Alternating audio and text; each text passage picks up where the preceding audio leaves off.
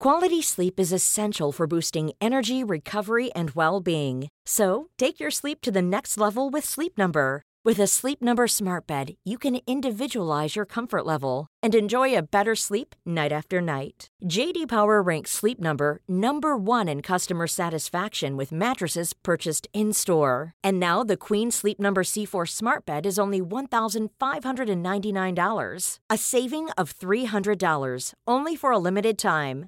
For JD Power 2023 award information, visit jdpower.com/awards. Only at Sleep Number stores or sleepnumber.com. Let's pretend! Let's pretend!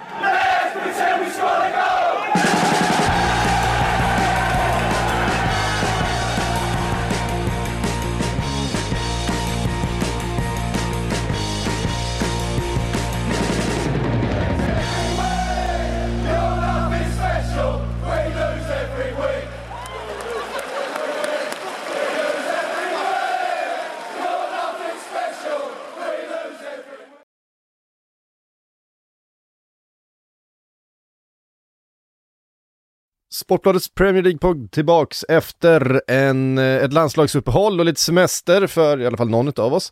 Eh, och eh, nästan full omgång. Vi eh, får eh, återkomma eventuellt om det behövs till matchen som spelas ikväll då, den mellan Everton och Burnley. Hörde jag extra podd på Everton Burnley? är det där vi är? Se, då, då, då får de fan ta och bjuda upp till något alltså. Eh, eh, jag vet inte. Måste ändå riktigt, riktigt sjukt. Benitez mot Sean Dyche, det känns, det känns inte som det kommer bli fyrverkerier. Eh, men men, vi, vi får se. Eh, Frida, mår du bra? Jag mår eh, oerhört bra. Nu kan jag inte skylla Ja. på att jag är, inte är utvilad. Det borde jag vara efter en veckas avbrott. Så, här. så att det, det känns Ja. bra. Eh, vi hoppas på en, en, en riktig så här energiexplosion idag då. Det kanske behövs. Eh, Ja, vi ska ju vet. prata Manchester United, Newcastle, 4-1, Ronaldos återkomst. Eh, mycket snack såklart om eh, allt kontroversiellt runt Ronaldo inför och det eh, fortsätter ju att vara så. Han är en kontroversiell eh, figur, men han är också en spelare som alltid hamnar i centrum och kan vara helt osynlig i stort sett eh, i eh, en hel första halvlek och sen så när bollen trillar ner där, då är han framme och stöter in den 1-0 och sen gör han också 2-1 eh, blir det då för att eh, Newcastle kvitterade ju däremellan. Vad, eh, ja vi får börja med Ronaldos återkomst. Eh, mycket högt och lågt och som vanligt när han är inblandad, två mål. Alltså, man är ju inte förvånad att han gör mål, om vi säger så. Det, det är ju det han gör, han har ju blivit en, det, det, liksom, det säger sig självt. Man har blivit en annan typ av spelare än den som när han lämnade Manchester United. Det var ju en gång i tiden han hade problem att göra mål i United-tröjan om ni minns det, när han precis slog igenom. Sen blev han ju den här notoriska målskytten där, men nu är han ju ännu mer än just den här Utpräglad målskytt. utpräglad målskytt. Han var ju knappt deltagande i spelet fram tills eh, 1-0 målet. Sen, sen finns det ju vissa farhågor här som ändå tycker jag uppdagades lite av det vi har varit inne på lite tidigare, det här med att försvarsspelet ser sämre ut när Cristiano Ronaldo är på planen. Nu valde man ju att spela Pogba i en lite lägre roll, han slår ju sina assist ändå. Men också med Nemanja Matic bredvid, det var inte jättemycket skydd backlinjen hade om vi säger så, i den här matchen tycker jag. Det har de ju inte haft egentligen Nej, någon gång när de har spelat. Alltså vi minns väl, det var inte så länge sedan som Wolves borde ha vunnit mot dem. Det var ju bara några veckor sedan. Så att det där är ju ett återkommande problem att de inte har någon defensiv mittfältare som man kan lita på. Eh, nu satt väl Fred på bänken till slut. Han skulle väl inte ha spelat från början i och med det här kaoset med Brasilien och Argentina och rödlistade länder och så vidare. Men det är väl klart, de har ju inget riktigt djup på, på de positionerna, så är det ju. Eh, Så det jag, det man reagerade mest på i det här fallet är ju, nej men dels så vet vi ju att Ronaldo har den här kvaliteten och det är väl klart att man kan lasta Woodman för både 1-0 målet och 2-1 målet blev det ju då. Ja, jag skulle nästan lasta honom mer för 2-1 målet. För det är en väldigt sen eh, styrning på det skottet från eh, Greenwood som ställer honom på 1-0 målet. Det kan Ja. jag liksom köpa att han, han måste bara blocka det på något sätt för att det styr så pass sent. Det är ganska, ganska bra egentligen att få upp eh, händerna på det. Sen att bollen Eh, han borde kunnat styra ut bollen bort från eh, bort, boxen kanske, men... Ja men oavsett vad så, alltså visst, man kan, man kan lasta honom för målen. Men man kan också se det som att allting Ronaldo gör, det är ju av väldigt hög kvalitet. Det ser väldigt enkelt ut, men det är inte alltid så enkelt för spelare att få till det på det viset. Eh, Det var ju dessutom en väldigt fin boll från Shaw där fram till, till 2-1 målet. Och bara att han får till det, det skottet så i, i steget, det, mm, äh, det visar ju vad United har fått för de pengarna man har betalat. Sen eh, går det ju inte att komma ifrån också, alltså vilken, vilket oerhört tryck det var på Old Trafford. Och när man kikade på VIP-läktaren så blev man ju... Ja men det, det, glädjen tog sig bort delvis av att, ja men dels var ju Abram Glazer där. Han hade inte varit på en match på två år men så helt plötsligt dök han upp. Det var väl ingen, det var väl ingen tillfällighet. Men just att man bjuder in Ryan Giggs också. Ja, det visar ju lite grann kanske var Manchester United står i, i den här frågan. Alltså Giggs är inte dömd än, men han ska ju upp i rättegång i januari för våld mot två kvinnor. Och man tycker väl att alltså, tajmingen var kanske inte sådär jätteperfekt med tanke på hur kontroversiellt det ändå har varit att värva tillbaka Ronaldo och mycket utrymme det har fått. Eh, ja, men alltså dels i media, men ja, bland gemene man och alla protester som skedde runt omkring den här matchen också. Ehm, så att, ja, där blir man ju fundersam kring vad, ja, vad är det United håller på med egentligen? Alltså, de ignorerar ju uppenbarligen helt, alltså de har ingen känsla för vilka man kanske ska sätta på gästlistan. Så att, ja. Å andra sidan så får man väl liksom sätta det, alltså det är en fråga och sen så får man fokusera på matchen på planen och, och vad Ronaldo gör där. Men det blir ju svårt den här balansgången och man ser ju att det upprör väldigt många också. Att vissa tycker att det passar inte sig att, att prata om de våldtäktsanklagelserna mot Ronaldo en kvart innan hans liksom, nya, nya debut på Old Trafford. Medan andra tycker att det är väldigt viktigt att man tar upp det hela tiden. Så att det där är ju en balansgång som vi nog kommer få se nu under säsongen. Att den kommer Ja. vara, ja, vi kommer få se helt enkelt hur mycket man kommer prata om det till slut. Det är väl bara att liksom på något sätt, det som hände förra gången var ju att det glömdes ju aldrig bort, men det liksom slutades pratas om på något så här konstigt sätt med just Ronaldo, liksom från när det här uppgiften dök upp och på det sättet, det är, precis som du säger Frida, att det liksom många tycker ju olika saker om det här och så vidare, men i grunden, alltså det är jätteviktigt att det tas upp, det är jättebra att de tar upp det en kvart innan avspark i en studio, det är ju precis det de ska göra. Sen, sen är det helt sanslöst, man kan ha så lite fingertoppskänsla som att bjuda in Ryan Giggs till den matchen. Ja, det är obegripligt. Det är, det, nu vet jag inte om det är kanske Ryan Giggs som säger hej jag skulle vilja gå på matchen, kan jag få en biljett? Och de har svårt att säga nej till en klubbikon. Men Ja oavsett, fast det där, det, det, det där borde ju inte spela någon roll. Alltså antingen har Nej. du din, alltså du, du får ju liksom välja någonstans också, alltså vilken, men vilken väg ska vi gå eller vilka värderingar står vi för? ja, Och där blir det ju extra konstigt för att det visar ju på något sätt att de skiter ju fullständigt i sådana här anklagelser, uppenbarligen.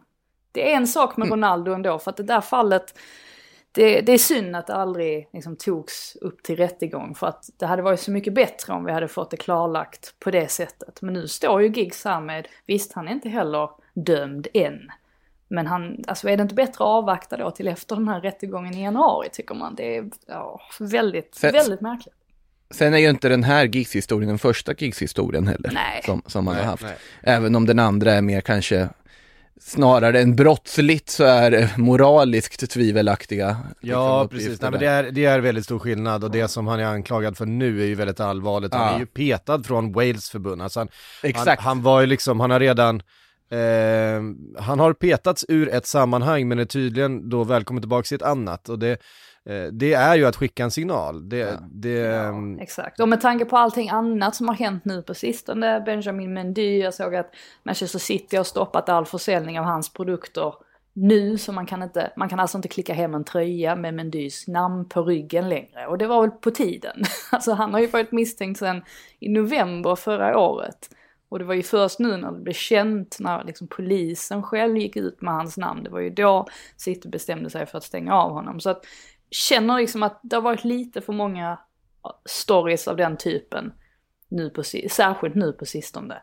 Och varför då göra det ännu värre genom att bjuda in gigs? Ja, förstår inte riktigt tänket där, men ja. Nej. Eh, på planen så spelades ju fotboll, vi var inne på eh, Ronaldo, jag kan ju känna så här, absolut, det, det såg defensivt lite svagt ut från eh, Manchester United, du har varit inne på det, Pogba som har varit så fenomenal i en lite mer framskjuten position bredvid eh, Bruno Fernandes, tillbaks då i en sittande mittfältstvåa eh, bredvid Nemanja Matic.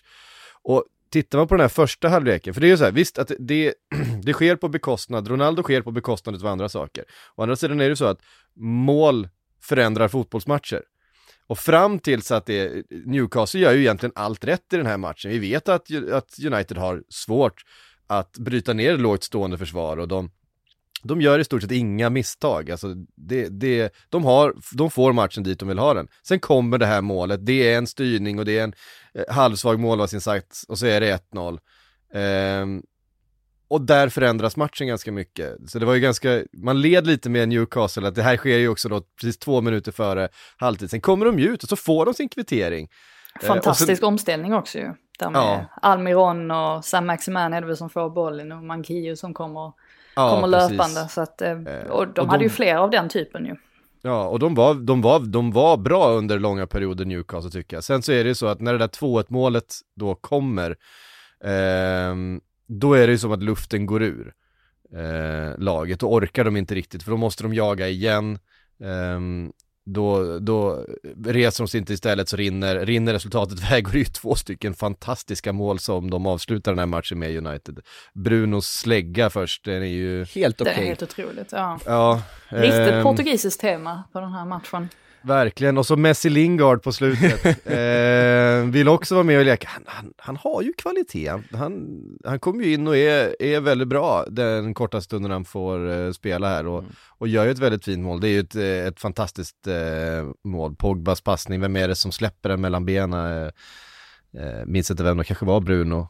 Eh, så de rullar fram den till eh, Lingard som sätter den så. Alltså, 4-1 det är ju- till United till slut. Det är ju två målskyttar, alltså man bortser från Ronaldo här, som det var väldigt viktigt för dem att få göra ett mål i en sån här match också.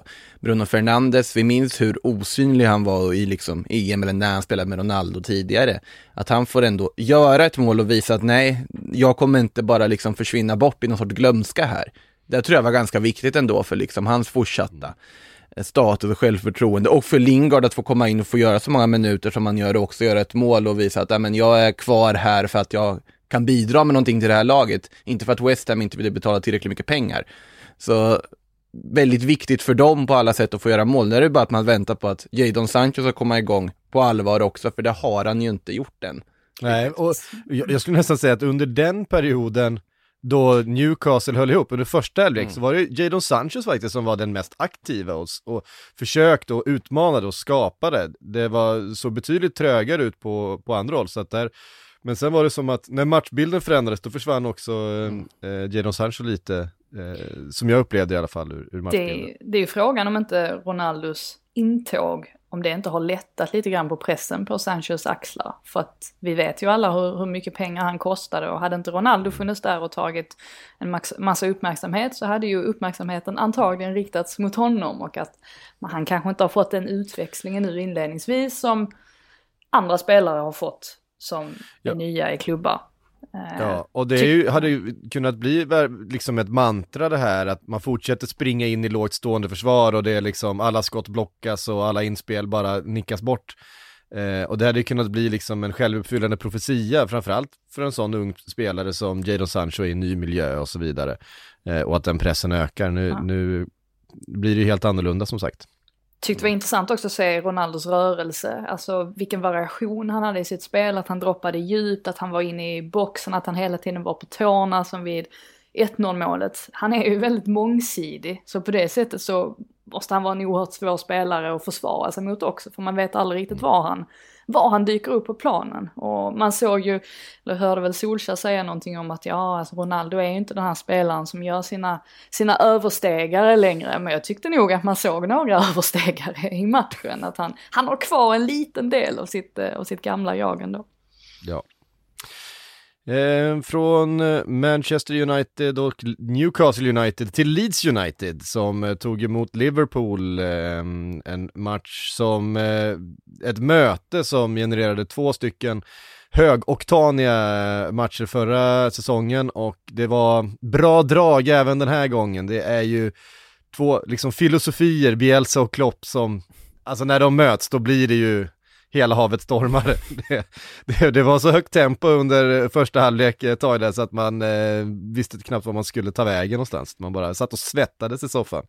Ja, alltså Klopps plan fungerade ju uppenbarligen mycket bättre än Bielsas i det här fallet. Alltså Klopp ja. lyckades ju, eller Liverpool lyckades ju involvera sina offensiva spelare på ett betydligt bättre sätt än vad Leeds gjorde. Eh, ja. Deras försvarsspel, Leeds då, eh, har ju också varit, det har inte sett speciellt bra ut nu inledningsvis. Jag är faktiskt uppriktigt orolig för Leeds och vart de, eh, ja, alltså vart de är på väg. För jag tycker det är rätt många individuella spelare också som inte riktigt ser ut som de gjorde förra säsongen. Alltså Bamford har visserligen gjort mål och sådär under den här säsongen redan, men tycker han, tyckte han var inte sådär jättebra i sin debut i, landslagströjan och här var han väl inte heller sådär jättehet. Eiling är en annan spelare som man kanske hade önskat lite mm. mer av med tanke på vad vi såg förra säsongen. Så att ja, det är lite frågetecken ändå kring Leeds just nu.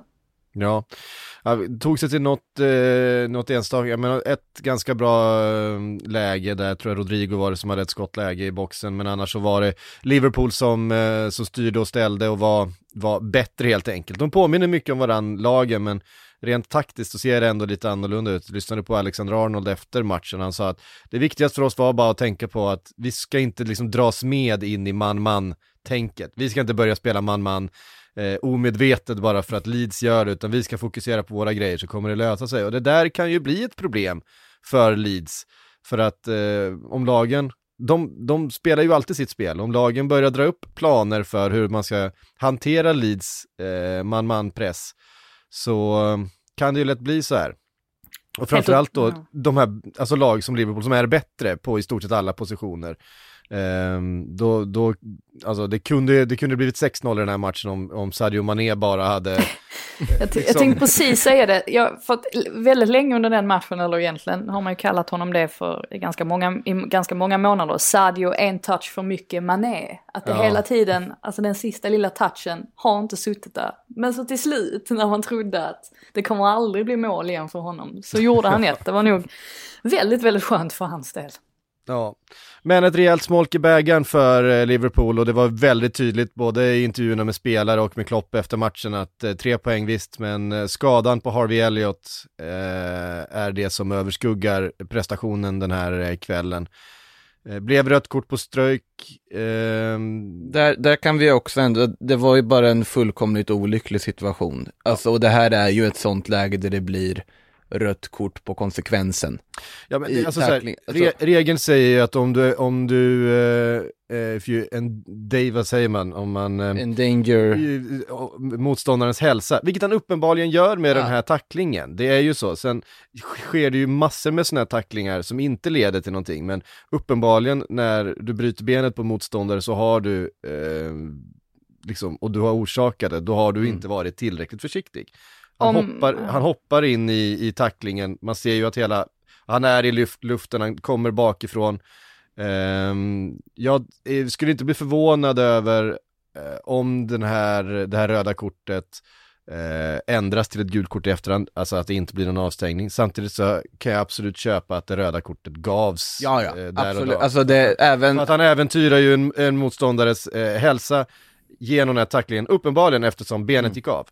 Um, dislocated jag tror, ankle. Jag tror också att de, om de överklagar så tror jag också att det kommer ju, kommer bli omgjort till ett gult kort. Det är jag ganska mm. övertygad om egentligen. Men det är klart att jag, jag, vet inte, jag tycker väl inte heller det är sådär jättefel kanske genom rött kort just när situationen inträffar. Alltså jag tror inte Paulson, jag tror inte han hade, hade inte varit för att alltså Elliots fot hängde på en tråd mm. liksom, så tror jag absolut inte att han hade blåst från första början. Nej. Alltså att han, då hade han inte ens blåst frispark.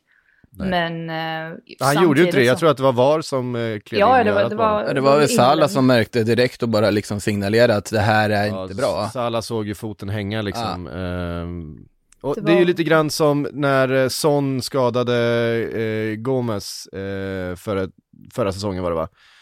Ja, fast den här tycker jag är, det här är en, alltså, snällare tackling. Nu är ju så här, effekten av det är lika tragisk. Och, och såklart, och det, det går absolut att diskutera huruvida Son skulle haft ett rött kort för den om det inte hade blivit en sån. Alltså, jag, jag tycker ju... Det gjordes väl om till ett gult i efterhand Ja, det gjorde det. Mm. Det gjorde som till gult, så just därför så är man ju ganska övertygad om att även Ja. det här kommer göras om till ett gult. Men sen Jag tror samtidigt så jag tror inte, tror inte Strojk hade velat fortsätta spela Nej. då. Alltså man blir nog ganska skakad av, Ja. av en sån Och hela, händelse. Hela matchen ändrade ju lite karaktär där i en 10 minuters period i alla fall. Det syntes Ja men Leeds att, blev ju eh, bättre. Ja, fram, framförallt var det ju. Liverpool-spelarna som, som gick Ja. ner i intensitet. Det var ju tydligt att de blev påverkade utav situationen. Eh, och det är ju fullt, fullt naturligt. De stod, var ju på planen, man såg ju alltså Salas ansikte direkt efteråt. Han var ju tvungen att bara gå därifrån, Mm. dra, hu, alltså, eh, dra tröjan över ansiktet och, och man såg flera spelare som blev väldigt påverkade. Det såg ju fruktansvärt ut när foten hängde på det där sättet. Och Framförallt när det händer en, en 18-åring som precis har slagits in och som har sett så otroligt fin ut och Mm. har haft en jättefin match fram tills eh, dess och som ska precis bytas ut. Jordan Henderson står ju där redo Mm. att komma in. Den ska liksom bytas ut minuten efter. Ja det är så Eh, typiskt. Så att, eh, ja. eh, Verkar ju som men- att han, enligt The Guardian så kommer han bli borta i flera månader. Så att vi får väl, eh, han ska ju opereras i alla fall så att vi får väl se Ja, han... eh, det, det lär han ju bli. Ja, ja, Alltså, det- alltså minst. Eller? Dis dislocated ankle ehm, innebär, både lilla lilla jag har lyckats eh, läsa på om det, innebär of ofta någon slags benbrott också, så dels har du en fraktur och sen så har du en hel rad med olika senor och leder som då ska tajtas till eh, och ehm, dessutom så kommer han ju vara på kryckor länge, så han kommer ju vara liksom helt otränad, han kan ju Mm. inte, det är inte som med en annan skada att du kan träna andra saker eller Var gymmet eller vad som ja, helst. liksom. precis. Eh, Så att, eh, men eh, känslan med just Harvey Elliot, han har ju, han har ju skallen liksom och eh, Bara det här applåderade. att han, ja men bara, Ja, det här bara- är precis att han applåderade när han Mm. bars av och att han liksom la upp en bild ganska snabbt på sociala medier och, och tackade för, eh, för eh, omtanken från eh, alla som hade hört av sig. Det visar ju också att han, ja precis, där är nu ganska hårt pannben. Ja, han, det, och det är ju det man har förstått om honom också. Han är en superfokuserad liksom eh, tonåring som eh, eh, han, han borrar bara ner och kör och han, han eh, det är också så här, hans kvaliteter som fotbollsspelare är ju också att han är, för att vara så ung, så oerhört intelligent.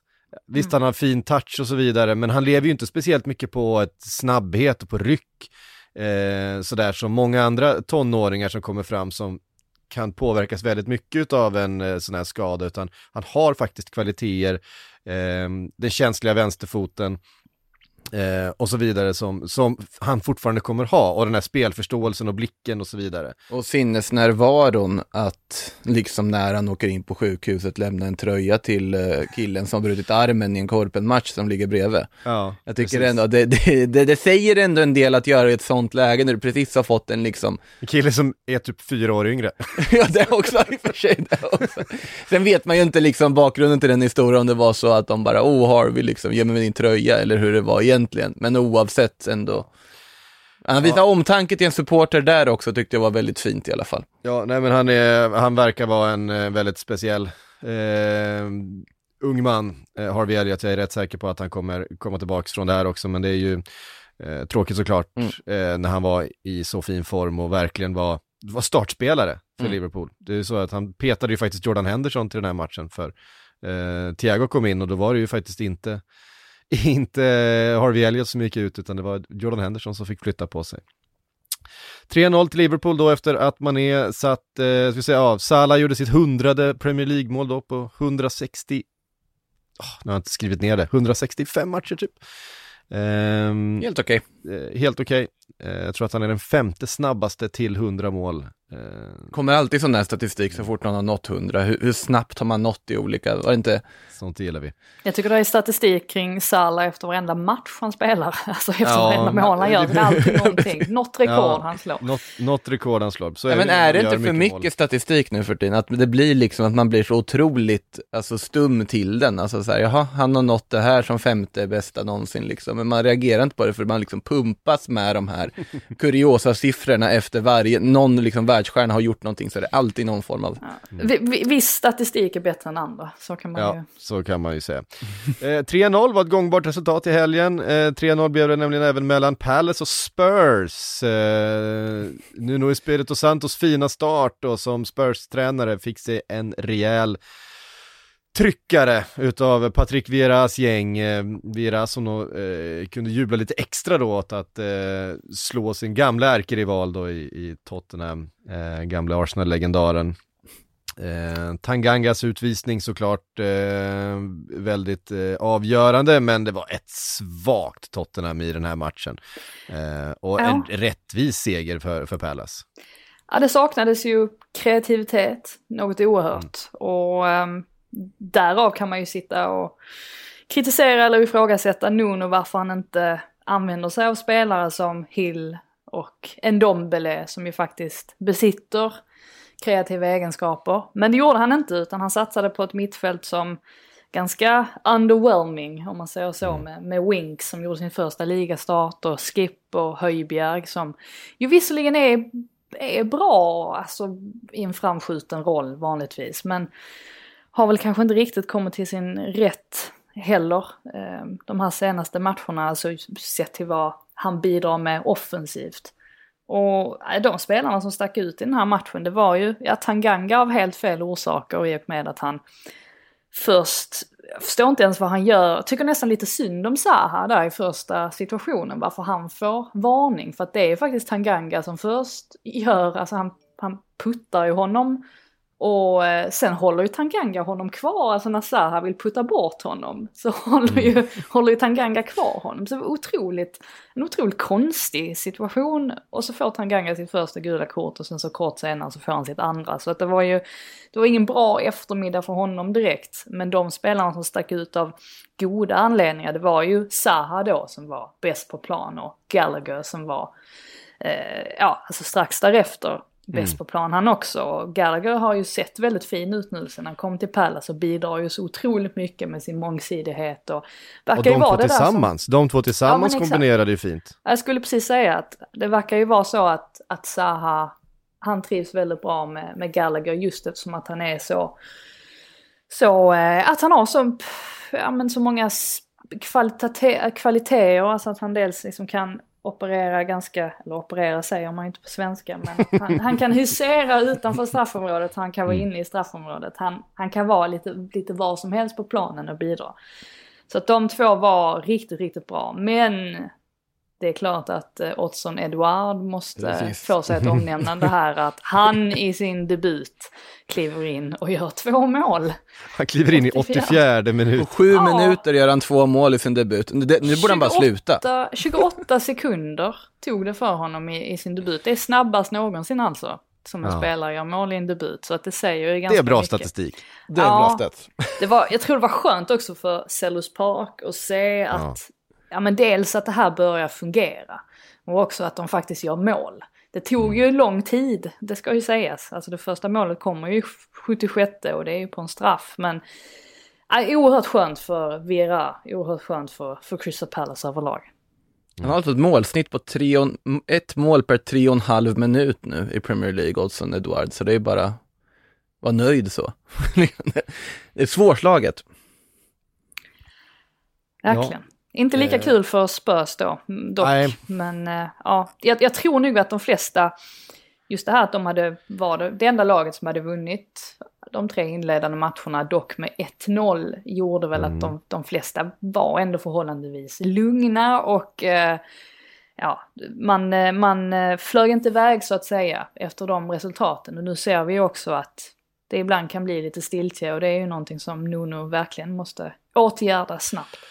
Ja, det här var ju någonting som många, ett, ett en far, farhåga som många hade just med eh, Spirito Santos och som vi hade med oss då från Wolverhampton, att han är duktig på att sätta ett försvar, han är duktig på att sätta en ram och att det är liksom eh, struktur och organisation, men att det kanske offensivt inte fanns sådär jättemycket till, eh, till kreativa lösningar, till, till planer och ett spelsystem som premierade offensiven, utan där var lite mer, den här jämförelsen med Mourinho är lite, lite trött, men, men det, den är ändå valid tycker jag, att i Wolves var det väldigt mycket, men få bollen till Jiménez, eh, låt eh, Traoré ställa om.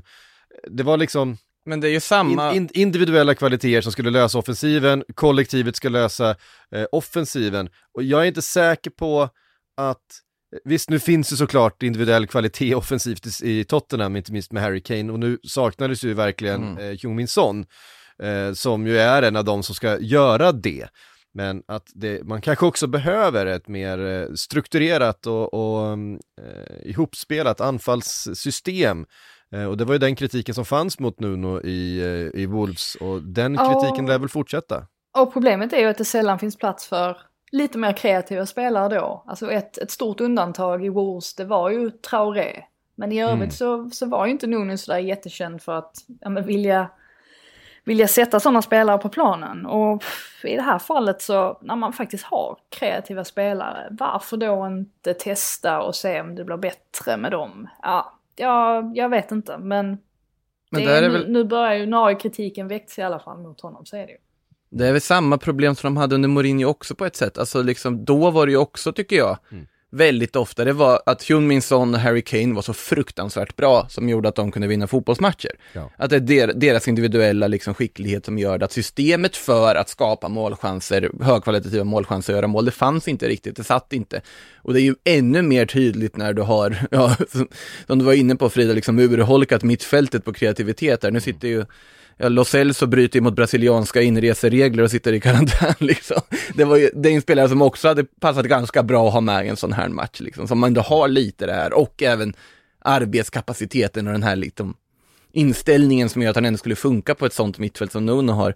Och sen att sån saknas är ju jättetydligt tycker jag, hur, hur mycket han betyder för det här laget också. Att Harry Kane har inte sin bästa dag och det räcker inte riktigt så. Och det är ju jätteoroväckande för Tottenham att de fortfarande inte har något system som sträcker sig utöver att vissa spelare ska göra individuella prestationer om man ska vinna matcher på så sätt. Jag vet inte riktigt hur länge Son kommer att bli borta nu heller. De har väl inte riktigt sagt Mm. ehm, exakt hur länge, men det är, det är klart att det...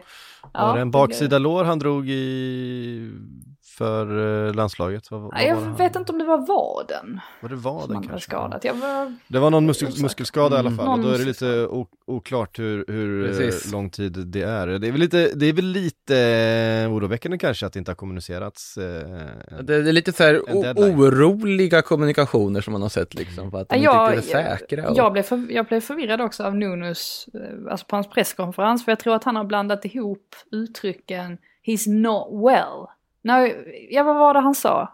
Men något Ja, i men- den stilen var det väl Ja, han sa. han, är unwell och he's Mm. not well. För mig så det första jag tänkte var, ja men gud, då har han ju covid eller någonting. Jag fattade inte ens att det var en skada, men det, det var det ju. ja, så Mm. är det 3-0 till Palace, 3-0 även då mellan eh, Chelsea och Aston Villa, även om eh, Aston Villa spelade otroligt bra den här matchen eh, och hade skapade massor så var det Chelsea som eh, tog hem alla tre målen och alla tre poängen. Eh, På tal mål. om individuell kvalitet som avgör. Ja, alltså, och, och visst, eh, och Lukaku med dubbeln såklart, men alltså assisten från Kovacic eh, till första målet. Först då han vänder bort två stycken spelare centralt, alltså på det där sättet, och han bara, han har ju en förmåga att bara glida mellan eh, spelare som väldigt få har, eh, som är så estetiskt vackert och sen den där liksom, eh, 50 meters passningen till Lukaku som bara sitter på skosnöret. Det är ju, för mig hela helgens eh, vackraste moment är, är Kovacic framspelning till, till 1-0. Det säger ju ganska mycket också när, när Chelsea som, ja men som, som du är inne på där, jag, jag var på Stamford Bridge också. Mm. Och den här första halvleken så, det var ju inte som att supportrarna var, ja men de var ju inte överförtjusta i den här halvleken. De, det märktes att det började bli lite oroligt efter Lukakus 1-0 mål där. Och precis som du är inne på, Kovacic var ju matchens han var ju planens gigant. Han, Ja, det var en riktig och att- masterclass verkligen. Ja, och att han som central mittfältare lyckas överskugga att hans partner, eh, eller ja, debutanten Saul, att han var fullständigt bedrövlig. Det säger ju också ganska mycket om hans kvaliteter i den här matchen. För att det var nog, det kan ha varit den sämsta debuten man har skådat, i alla fall i, alltså från Chelsea-spelare. Det, var ju, det var ju helt otroligt vad usel han var. Alltså han, han hade alltså, han, han klarade inte av att vinna en enda duell. Noll av nio dueller. Ja, det, det kommer ju inte räcka, så kan man säga. Ja men det märktes ju, det märktes ju att han var, han var inte beredd på den här intensiteten. Så mycket kan man säga. Han slog bort bollar, eh, misslyckades med enkla passningar. Och det var inte konstigt att Jorginho, att han stod klar där, alltså redo att hoppa in direkt efter paus för att Nej. det där gick inte bara. Så att, att Chelsea lyckas stå emot trots att man hade honom på planen. Eh, och mycket då förstås tack vare Mendy som gör den här Ja. sanslösa dubbelräddningen. Och Thiago Silva han kastar ju sig fram och blockar något skott av Watkins när Wat- Watkins faktiskt hade överlistat Mendy. Ja, skulle dra iväg ett precis. nytt avslut. Så att de, de, hade ju, de hade ju flyt där i första halvlek. Men sen efter Kovacic, när han gör 2-0 målet, då tycker jag att det planar ut. Alltså Villas, Villas tryck blir inte lika påtagligt. Mm. Nej, men då, då går ju luften lite grann ur, men det är ju, alltså jag tycker det, Aston Villa skapar ju mycket mer än vad Chelsea gör. Ehm, under, ja men igen, fram till två, det är, jag skrev i mitt körschema, Mings, Mings bjuder på tre poäng. Eh, Ja, det, det, det kändes verkligen så för att Aston Villa tryckte på och det var ju Mendy som höll Chelsea kvar i matchen. Eh, eh, och höll den där nollan med flera jättefina räddningar och, och Eh, McGinn tyckte jag var väldigt, väldigt bra. Ollie Watkins hotade hela tiden. Eh, Danny Ings gör ju det han gör med sin Funkar rörlighet. och- uppenbarligen med den där tvåan på topp. Alltså Ja. med att spela Watkins och Ings tillsammans som vi ändå liksom funderat om det är där de kommer göra. När då Verkligen. Watkins Ja, är tillbaka. Du var säker? Ja men det sa jag nog. Eh, ja, det gjorde du absolut. Eh, och jag tycker det också är kul att McGinn är tillbaka och är så här bra. Eh, för att ha sagt, och det var ju Saul som han rånade på bollen flera gånger där. Ja. Han, eh, han märkte ju att han fick ett övertag och han gick ju dit och knuffade hon- undan honom helt enkelt. Alltså det intressanta med Saul är att det känns på något sätt som att de engelska klubbarna har trott att de försöker värva liksom 2017-2018 varianten av Saul, den som var, kostade nästan en miljard och eh, såg hur bra ut som helst och var jätteviktig för Atletico. Nu har vi en Saul som på senare år har fått liksom så här Jens Gustafsson-treatmenten av eh, Diego Simeone och flyttat ut som wingback som eh, inte alls riktigt har haft så lätt att ta en plats i Atletico som väl snarare flyttar på sig för att han inte platsade där snarare än att ha Premier League-klubbar som verkligen, verkligen ville ha honom. Det säger ju en del om att han går på det här lånet som han gör på sista sekund. Eh, som truppkomplement, absolut, men eh, Och det är ju Alltså- det han är tänkt för. Han är ju Ja. absolut inte tänkt att starta. Så- nej, nej, nej, nej, nej, nej, nej, men alltså det är oroväckande att han är så bedrövlig direkt här liksom. Ja, och han, och han spelade väl båda matcherna de mötte Chelsea i Champions League förra säsongen, om jag inte minns helt fel. Jag tror han startade båda matcherna. Det kan han mycket väl ha gjort. Ehm, Så att han, på det sättet borde han ju, han borde ha förstått lite grann vad det var som, vad det var som väntade, tycker man. Men eh, nej, det, det är ju definitivt Jorginho och Kanté, det är ju de som går före. Ehm, och det blir ju, och det var ju, alltså Tuchel var ju inne på det efter matchen också, att han fick nog ta på sig det här för att han, han trodde ju att Sol att han var redo för att starta, men uppenbarligen var han ju absolut inte det. Nej, han startade ju båda som du sa här mot, eh, mot Chelsea också, men då var ju Atletico fullkomligt bedrövliga. Ja, Så de var ju att- inte, ja men inte i, i andra matchen var de väl helt okej, var de inte det i returen? De spelade, första matchen var ju, det var ju då när de klev ner och spelade superdefensivt, det var på ett... Jag bara ho- hovade bort det dubbelmötet i princip. Ja, precis. Men ja. i returen var de väl ändå helt okej, om man inte minns fel.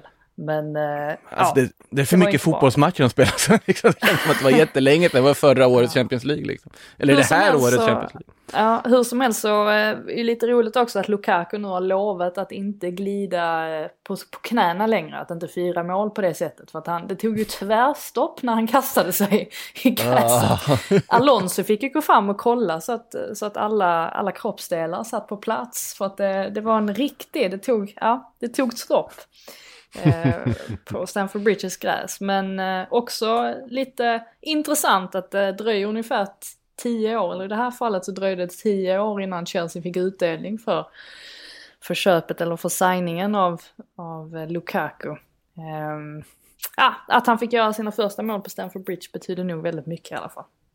Mm. mm. Eh, vidare till Leicester, Manchester City. Inte 3-0 i den här matchen då, utan 1-0 efter mål av, eh, ska säga, eh, Bernardo Silva. Ber Bernardo Silva, ja, precis, som eh, man nästan hade glömt bort. Han var ju, alltså, han var ju planens gigant verkligen. Eh, det, var ju, det är ju han som gör han som gör skillnaden här och inte bara genom målet utan det var fler chanser som han, han låg bakom och, och skapade så att han var onekligen den som stack ut i en annars väldigt tight match där ju Vardy hade ett mål men det vinkades ju bort för offside och jag tyckte Leicester saknade inte chanser så Luckman fick ju någon möjlighet där mot slutet och och så. Men det sitter inne i en sån där flow nu igen, som vi brukar mm. se dem där de hamnar ibland. De har gjort 11 mål nu på de tre senaste matcherna och inte släppt in ett enda sedan förlusten mot Spurs i premiären. Um, så att uh, ja, de, de är på gång. Också en annan intressant stats på tal om det här med Hey everyone, I've been on the go recently. Phoenix, Kansas City, Chicago. If you're like me and have a home but aren't always at home, you have an Airbnb. Hosting your home or a spare room is a very practical side hustle. If you live in a big game town, you can Airbnb your place for fans to stay in. Your home might be worth more than you think. Find out how much at airbnb.com/slash host. Intressantaste så är det att eh, Pep Guardiola, han har alltså inte gjort en enda förändring i startelvan på de tre senaste matcherna. Och det är första gången någonsin under hans tid i Manchester City som det faktiskt händer. Ja, det är... Fer Ferran, Gabriel Jesus och Grealish där framme igen, alltså... Mm. Sen eh, såg det kanske inte riktigt lika, eh, vad ska man säga, eh, frejdigt ut. Frejdigt ut det som det, som eh, du kanske gjort i tidigare matcher här. Men eh, sen ska man komma ihåg att Leicester är också ganska bra. Ja, det, är, precis. Det, det, det är ett bra lag. Frejdighet direkt. Eh, och eh, Kasper Schmeichel var bra i den här matchen också. Eh, gör ju många riktigt fina räddningar. Ja, man får ju tänka också att det har varit, precis varit ett landslagsuppehåll här så att det är väl klart mm. att det, det påverkar väl delvis. Men ja, Jesus och Torres stack ju inte ut riktigt lika mycket som, annars är det ju de som har glänst i de tidigare ja. matcherna, men det gjorde de ju inte här, utan här var det Silva istället. Ja, och Manchester City kommer inte tappa så många poäng den här säsongen är min, min eh, känsla. Tycker de ser eh, sådär, jag vet inte, så ruskigt svårslagna ut. Man vet att det där målet kommer till slut och man, det är svårt att göra mål på dem och gör man ett så vet man att de kommer bara fortsätta tugga på det som att det Eh, de, de känns väldigt sådär nästan obekymrade utav situationen. Det bara, eh, det bara fortsätter och öser på för dem. Jag måste säga att jag redan älskar den här säsongen. Det finns så många lag som man kan tänka sig kommer mm. Hänga med där uppe och det är också att de flesta storklubbarna nu med undantag för Arsenal som ju ändå faktiskt vann i helgen, att de, ja. äh, att det, det finns många som utmanar om titeln känns det som. Mm. Så det är kul.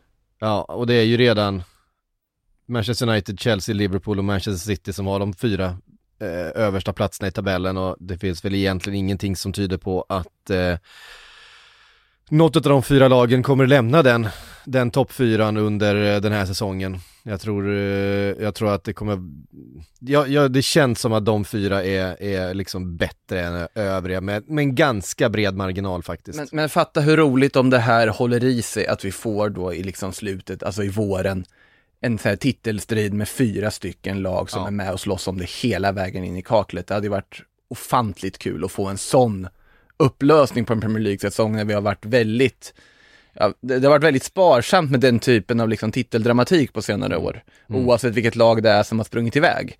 Så att det, eh, det är bara att hoppas för, som objektiv betraktare av serien att vi verkligen får en, en sån titelstrid. Ja. Um, Strax där bakom just nu dock, Brighton efter en till trepoängare, den här gången mot eh, Brentford.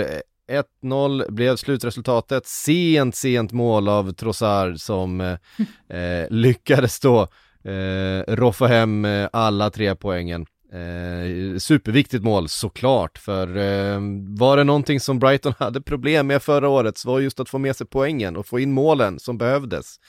Eh, och kan man lyckas med det då kan man eh, ta sig väldigt långt den här säsongen och kanske utmana om de där topp 8, topp 7, rent av en, ett Europaspel någonstans. Jag tycker att det finns eh, potential även om såklart Leicester och West Ham och Aston Villa kanske eller några av de andra har. Arsenal. Eh, ja, Arsenal såklart men det är väl de man ska slå. Det, alltså, jag känner att det är så här, Spurs kommer ju eh, av allt att döma då kanske vara femma eh, bakom toppfyran och sen så Arsenal får vi väl se. Eh, de, lyck, de lyckades slå, vi kommer till den matchen snart här, men, men Brighton eh, tittar Tycker vi lite, på. tycker ja. lite synd om Brentford ändå på något sätt att de inte får med sig någonting här. För att det är annars ett lag som man blir mer och mer övertygad om att de kommer hänga kvar i alla fall. De har, eh, tycker de har tillräckligt mycket kvalitet för att det ska ske. Men istället var ju Brighton väldigt okaraktäristiska där och lyckas ta med sig, eller få med sig en sen seger. Det är inte ofta det händer. Trossard är ju en av dem som man har suttit och rivit sitt hår för tidigare. Att han, att han kanske inte riktigt har haft den här skärpan i avslutningslägena men det hade han onekligen här. Tyckte att han var, han var bäst på plan. Eh, i, definitivt i, i Brighton och lyckas ju ta sig, ta sig loss från Jansson där eller ja, ta sig förbi honom. Eller inte riktigt i sidled och dra in det där målet. Så att det var ju extremt viktigt för, för Brightons del. Skönt för dem att kunna hålla nollan också och visa att de Eh, ja, att de klarar av det trots att Ben White har eh, lämnat. Det är helt otroligt egentligen tycker jag att eh, Shane Duffy har gått in där och liksom snott åt sig den platsen i, i mitten, puttat ut Dunk till, till vänster. Jag tycker att han gör det, han gör det väldigt bra. Han har sett väldigt stabil ut så att det, ja, det rullar på för Potter trots att Brentford uppenbarligen är ett eh, ganska svårslaget lag. Eller det krävs ganska mycket för att man ska få med sig tre poäng. Mm, verkligen. Vet jag inte om ni har, jag ska vara ärligt talat säga att jag inte såg matchen, men jag undrar hur, om någon av er gjorde det, Kukureyas debut. Hur såg den ut? Jag tyckte att han var helt okej. Han gav bort bollen vid något tillfälle som ledde till att Mbuemo hade ett, en jättemöjlighet. Så det är väl återigen lite det där att man måste komma in i intensiteten i Premier League. Men eh, jag tycker ändå att han ser...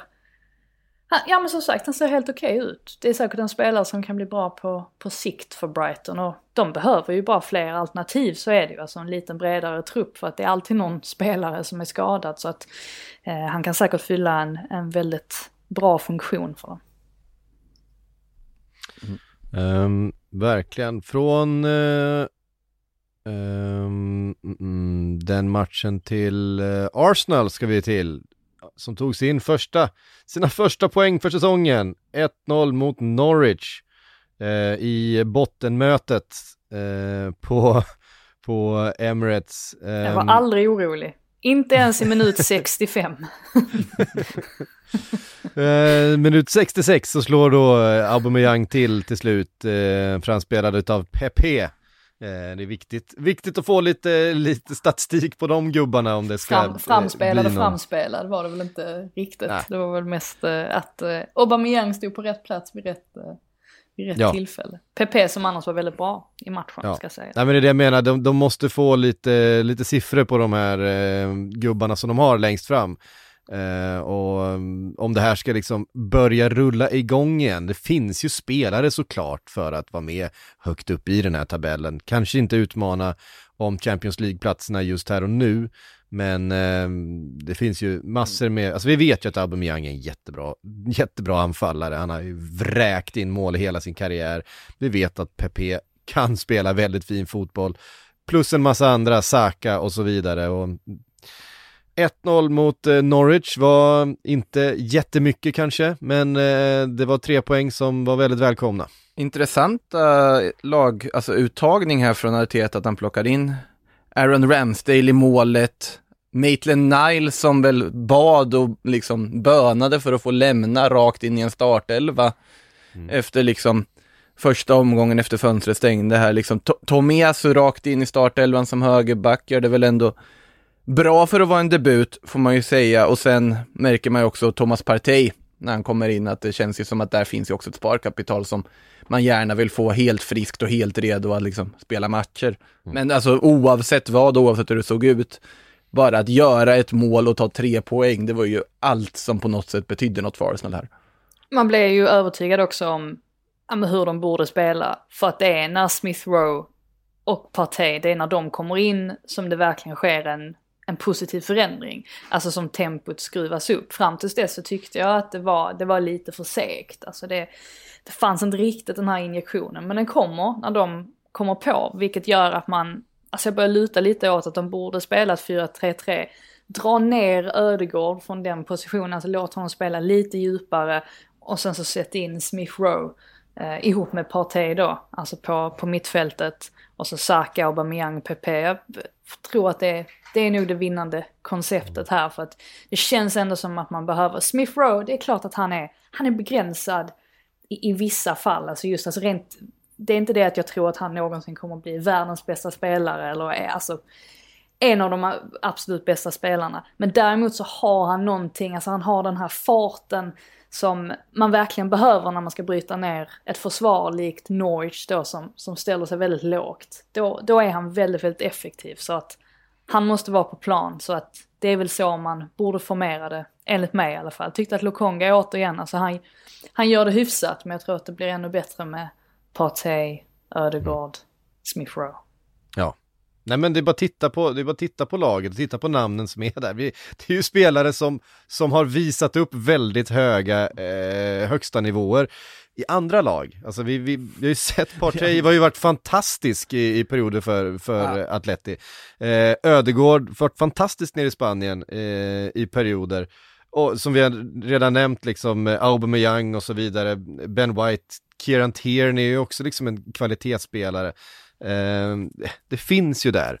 Ehm, det ska få ihop det också. Det, jag är fortfarande rätt ehm, skeptisk till Arteta eh, och hans förmåga, men han kanske kan få fart på det igen. Eh, det har ju varit lite, det som har varit ett, ett frågetecken har ju varit huruvida det går att spela Smith Rowe och Ödegård samtidigt. De är, påminner ju rätt mycket om varandra i, i spelstil och kanske behövs det liksom är det lite väl mycket lyx på planen att ha båda de två liksom kreativa, kanske inte så Ja, men inte det mot väl- den här typen av motstånd. Det Nej, inte mot den här typen av motstånd, men mot, mot måste bättre liksom- motstånd där du måste vinna Absolut. mer boll och det blir mer en mittfältskamp. Ja, Då absolut. blir det svårt att spela med de två spelarna Men samtidigt. Arsenal är ju inte ett lag som ska ge sig in i den typen av, alltså det är inte där deras styrkor i den här truppen ligger heller. Och sen är det ju så att du kan ha ett spelgeni på planen, men det här spelgeniet måste ju ha någon att bolla med. Mm. Och att då ha Smith Rowe och Ödegård tillsammans tycker jag låter ganska klokt, att då kan ju de hitta kombinationer, de kan hitta varandra, båda förstår fotboll på ett väldigt fint sätt, väldigt vackert sätt. Jag tror att det är ganska viktigt att bygga sådana relationer på en plan också, och inte bara tänka, ja vi har Martin Ödegård som är spelintelligent, men han löser alltihopa när han har liksom Maitland Niles Lokonga bredvid sig istället. Det blir inte riktigt samma sak, han kan inte bygga samma bygga upp samma saker, liksom speluppbyggnaden som man skulle kunna göra om man har Smith Rowe med sig. Mm. Ingen Granit Xhaka här heller, avstängd ju. Det eh, var ju också ett, eh, en bonus för Arsenal. Eh, eh, Han hade inte kunnat spela ändå va? Alltså i och med, han har ju covid och grejer. Exakt. Jaha, han dessutom det. Jag, visste, jag, jag hade bara koll på att han var avstängd så att eh, eh, han är ju, han har, han, är ju i alla fall, han har i alla fall inte vaccinerat sig. Så. Nej, det har han ju inte gjort. Det Men såg ni väldigt, inte att Mourinho uppmanade honom att göra det? ja, det var väldigt fint av Mourinho att skriva, gå in på hans Insta och skriva det tycker jag. Ehm, vi ska säga något om, mm, mm, mm, mm, nu ska vi se, vart skulle vi ta vägen nu? Vi ska till eh, Southampton, West Ham United. 0-0. Men du kände ändå att du ville lägga ut texten lite här Frida. sa jag? Ja just det, det sa jag ja. Ja det sa du Eh, faktiskt. Jag, ändå. jag, kände bara, jag kände bara hur mitt eh, FPL-lag eh, liksom rasade när Det var, på, Antonio det var tar på tiden att ni alla, det var Antonio där, fick, fick en liksom motgång också kände jag. alla vi så här 80% av lag som har Antonio högst upp där. Eh, ja, det där röda kortet är sved. Ja, det var idiotiskt också får man ju säga. Det var ju inget, Ja. inget smart kort att ta. Um, nej, alltså Bowen har ju, har ju ett väldigt bra läge här på, på volley, men annars är det ju Saints som är närmst en seger här, särskilt mot slutet. Och jag tycker att en väldigt stor anledning till det, det är att Armando Brocha, att han kommer in eh, mot slutet. Så att han, han blev veckans Chelsea-spelare, höll jag på att säga, i Southampton. Det, det är många av den, av den varan. Eh, han plockades ju in, det var ju inte Hassenhüttel som ville ha in honom, utan det var ju på scouternas begäran som tyckte att han hade egenskaper som skulle passa bra in. Och Hassenhüttel sa det på presskonferensen efteråt att det tog ett litet tag för Armando att, alltså att komma in i det. Eh, men här fick han ju verkligen visa vad han, vad han gick för. Så att det skulle inte förvåna mig om han får chansen från, från start möjligtvis. Alltså kanske redan i nästa omgång. Man hade förändrat sitt eh, försvarsspel lite grann, Saints. Eh, vet medgav det på presskonferensen och jag tror väl att det handlade om att kändes som att mittbackarna och så där ibland Salisu att de låg lite närmare motståndarna än tidigare, lite mer aggressiva. Um, och det funkade ju bra. Declan Rice var ju den som rensade undan bollen där på mållinjen. Uh, så att um, ja, det var, det, var, det var en tight match helt enkelt. Men jag tyckte ändå att Saints, alltså de visade ändå positiva tecken på att de, eh, ja, de tog ett steg framåt. West Ham å andra sidan gör ju absolut inte sin bästa match här. Nej. Och det här röda kortet innebär ju då att eh, Antonio är avstängd nästa match då Manchester United kommer på besök.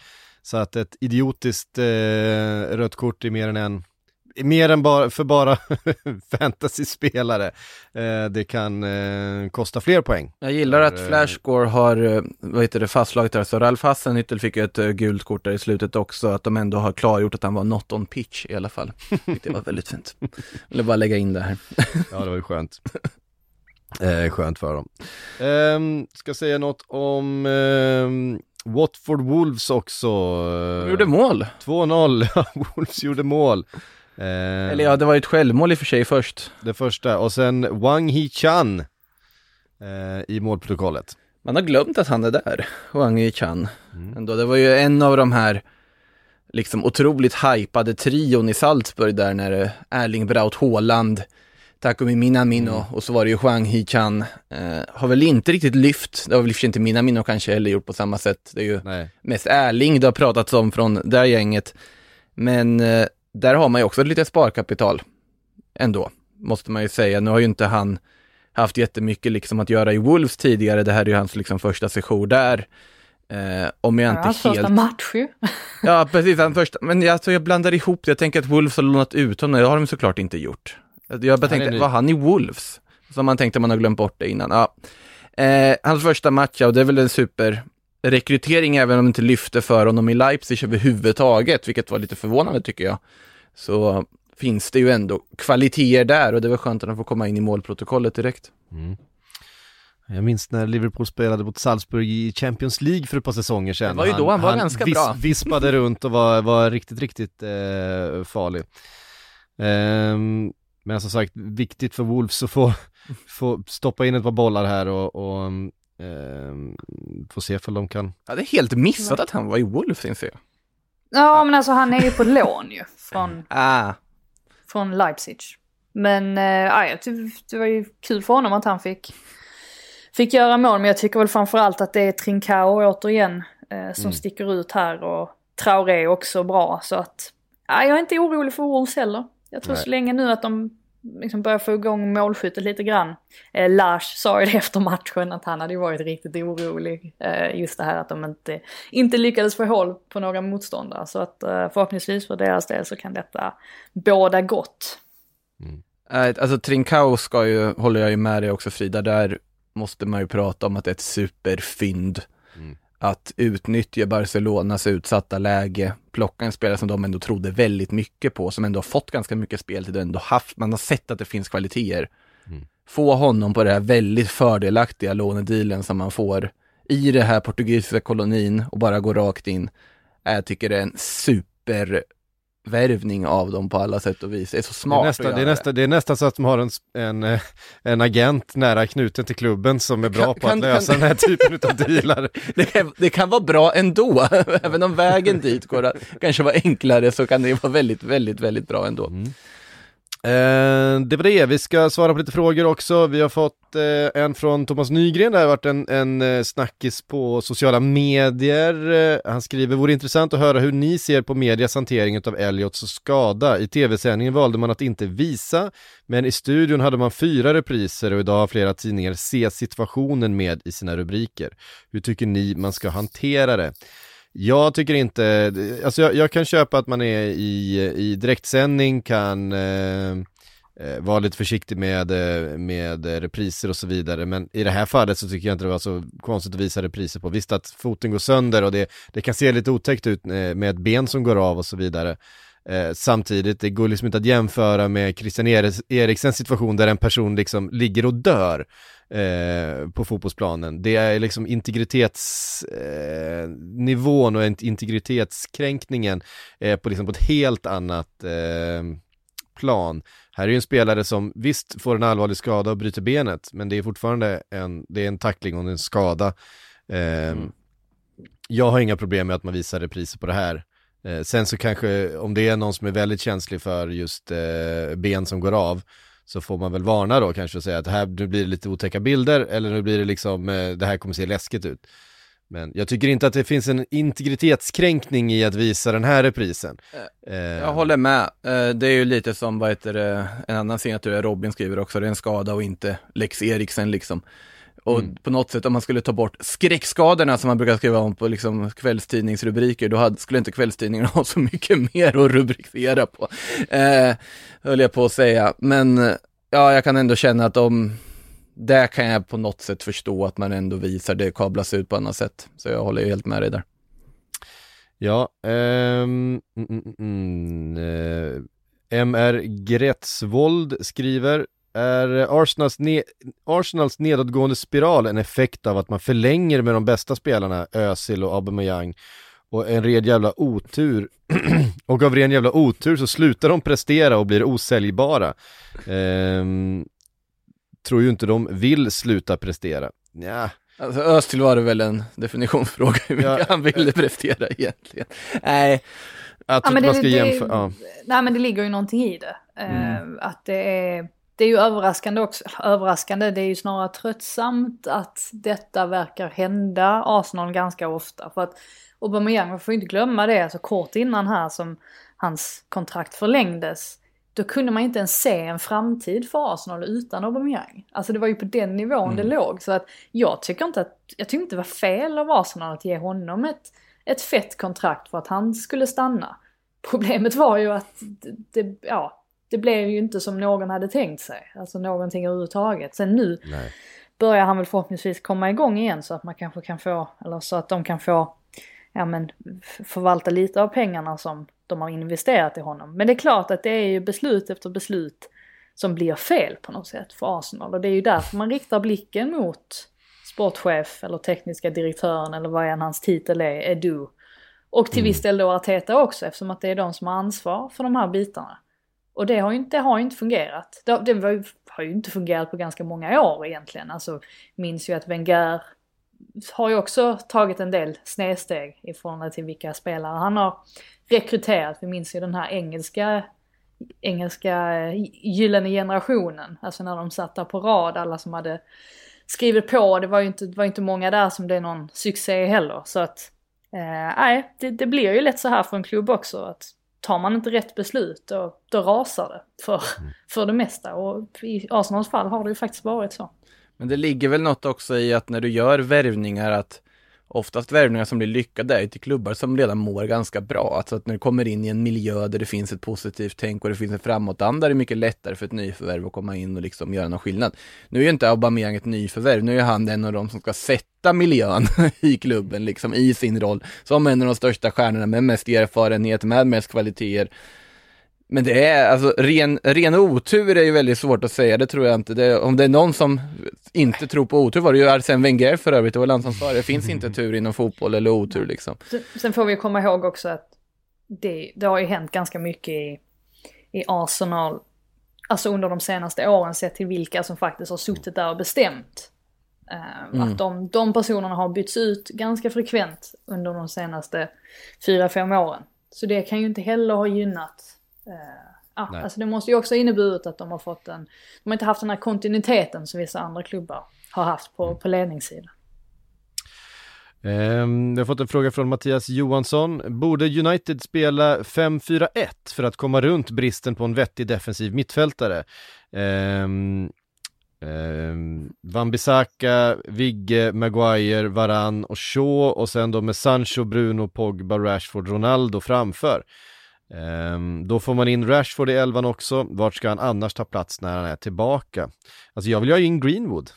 jag tycker att Greenwood ska starta för Manchester United. Ja, men det, är är han, väl det, det är på- till slut hans skott som löser upp den här, eh, den här matchen. ehm, som trillar fram till, eh, till Ronaldo. Jag tycker, också, jag tycker också det är svårt att, svårt att peta honom i det här läget med tanke på hur Mm. han har sett ut inledningsvis. Och frågan är om risken finns ju också att man blir kanske lite för defensiva om man kör på den Mm. approachen. Eh, Det lär väl bli ett dubbelblock alltså med McTominay när han är tillbaka och Fred. Det är det vi har vi har sett senaste tiden. Så man trodde att de skulle ta ett steg bort ifrån. Men ja, är det det enda som fungerar så? Ja. Det, det är så här lätt att tänka att ja, men det kommer lösa sig defensivt om du tar in en extra mittback, men riktigt så enkelt är det ju inte på att du måste ju ha ett skydd framför de där mittbackarna. Det är ju det, då, är- då är det ju snarare att man ska ändå liksom utforska experimentet och flytta upp Victor Nilsson Lindelöf i en defensiv mittfältsroll och se vad som händer. Då är det ju snarare något sånt man ska titta på om man nu vill ha in honom i elvan om man ser problemet med den truppen som finns idag. Men Sen är det ju en helt det annan blir- sak alltså att gå upp och, och, och sådär och Det spela. är det. Jag säger inte att det skulle lyckas. Men det jag tror är bättre än att liksom kasta in, vi tar fem defensiva spelare i ett block och så tar vi fem offensiva spelare i ett annat block och så skiter vi i det som ligger mitt emellan där. Det blir, nu i och för sig, Pog, Pogba kommer väl vara nere där och liksom hämta boll och Bruno också, men jag tror inte riktigt på en 5-4-1 är ju inte riktigt modern kanske heller. Och grejen är så ska man köra en trebackslinje. Då tycker inte jag riktigt att Wan-Bissaka kan starta. För att han, han är ingen riktig wingback. Det, Mm. Han har ju sina kvaliteter i, i defensiven. Sen har han ju blivit bättre rent offensivt. Så är det ju. Alltså, han trycker ju upp, trycker upp mer nu än vad han gjorde inledningsvis när han kom till United. Men han håller kanske inte riktigt om man ska köra med, med wingbacks på det sättet heller. Så att ja, men ja. Då är det snarare att man vill ha in Dalot eller någon till höger och använda Wan-Bissaka som en av tre mittbackar. Kan Ja. vi sätta, sätta någon annan där också? Kan vi kanske sätta Greenwood där till och med? Det, Wingbacks Finns ju en- Greenwood. Ja, men alltså kolla på Ja, Tuchel, vad, han, vad Tuchel har gjort liksom i Chelsea. Ja. Han har ju gjort Hudson Odoi exempelvis som Mm. spela wingback ibland och sådär. Och det fungerar hur bra som helst. Så att det tycker inte jag vore någon, vore någon eh, ja, Nej. vore märkligt. Eh, och sen är det ju så här, alltså Manchester Uniteds största problem är ju faktiskt inte egentligen försvaret. Manchester Uniteds största problem som de har just nu är att de får upp för lite offensiv. De, de lyckas inte bryta ner de här lågt stående försvaren och receptet mot det hade ju varit att ha en ehm, en, en eh, defensiv mittfältare som kunde lösa den positionen så man kunde få upp numerären offensivt, kunde få spela Pogba och Bruno Fernandes och ha Ronaldo och Greenwood och Jadon Sancho där uppe för att verkligen kunna, kunna bryta ner de här lågtstående försvaren. Eh, nu gör jag som jag alltid gör och går och tar ett Liverpool-exempel. Men man tittar på hur Liverpool såg ut före och efter man värvade Fabinho. Alltså när man spelade med eh, liksom James Milner och Emre Can i en 4-2-3-1 med dubbel hade man precis samma problem. Man hade jättestora problem mot de lågstående försvaren. Man var duktiga på kontringar, det fanns eh, fina spelare eh, och sådär. Men när Fabinho kom in och kunde spela på den positionen och man spelade mer än eh, 4-3-3 eh, och fick då två stycken eh, åtter, alltså tvåvägsspelare med, med liksom mandat att eh, springa in i straffområdet. Då började man lösa upp även de här lågt stående försvaren. Eh, Så jag tror inte att man kommer åt det genom att gå ner på en fembackslinje liksom och säkra upp försvaret på det sättet. Jag tror ändå man måste, man måste ha in den där eh, spelaren för att nu, man offrar ju en gubbe liksom eh, på att spela både Fred och McTominay då i en 4-2-3-1. Ehm, men ja, det, det, det, jag vet inte, jag, jag, jag ser inte riktigt hur man kommer runt det, det problemet faktiskt med eh, eh, att dra in fler, fler mittbackar. Mm. Eh, Däremot så ser, man, så ser jag, alltså jag, jag känner fortfarande att med en, med en riktigt bra defensiv mittfältare så hade ju, det hade ju gjort United omedelbart bättre. Det ha- hade varit kul att liksom klippa ihop varje gång vi alla har sagt att vi borde ha värvat en defensiv mittfältare. De senaste åren. Det blir en timmes avsnitt på det väl? Ja, Bara på. Ja, på tal om det så har eh, timmen passerats med råge här. Eh, eh, Makoto och Frida, tack för att ni var med. Tack alla ni som har lyssnat och ställt frågor. Sportbladets Premier League-podd är tillbaks med vecka igen.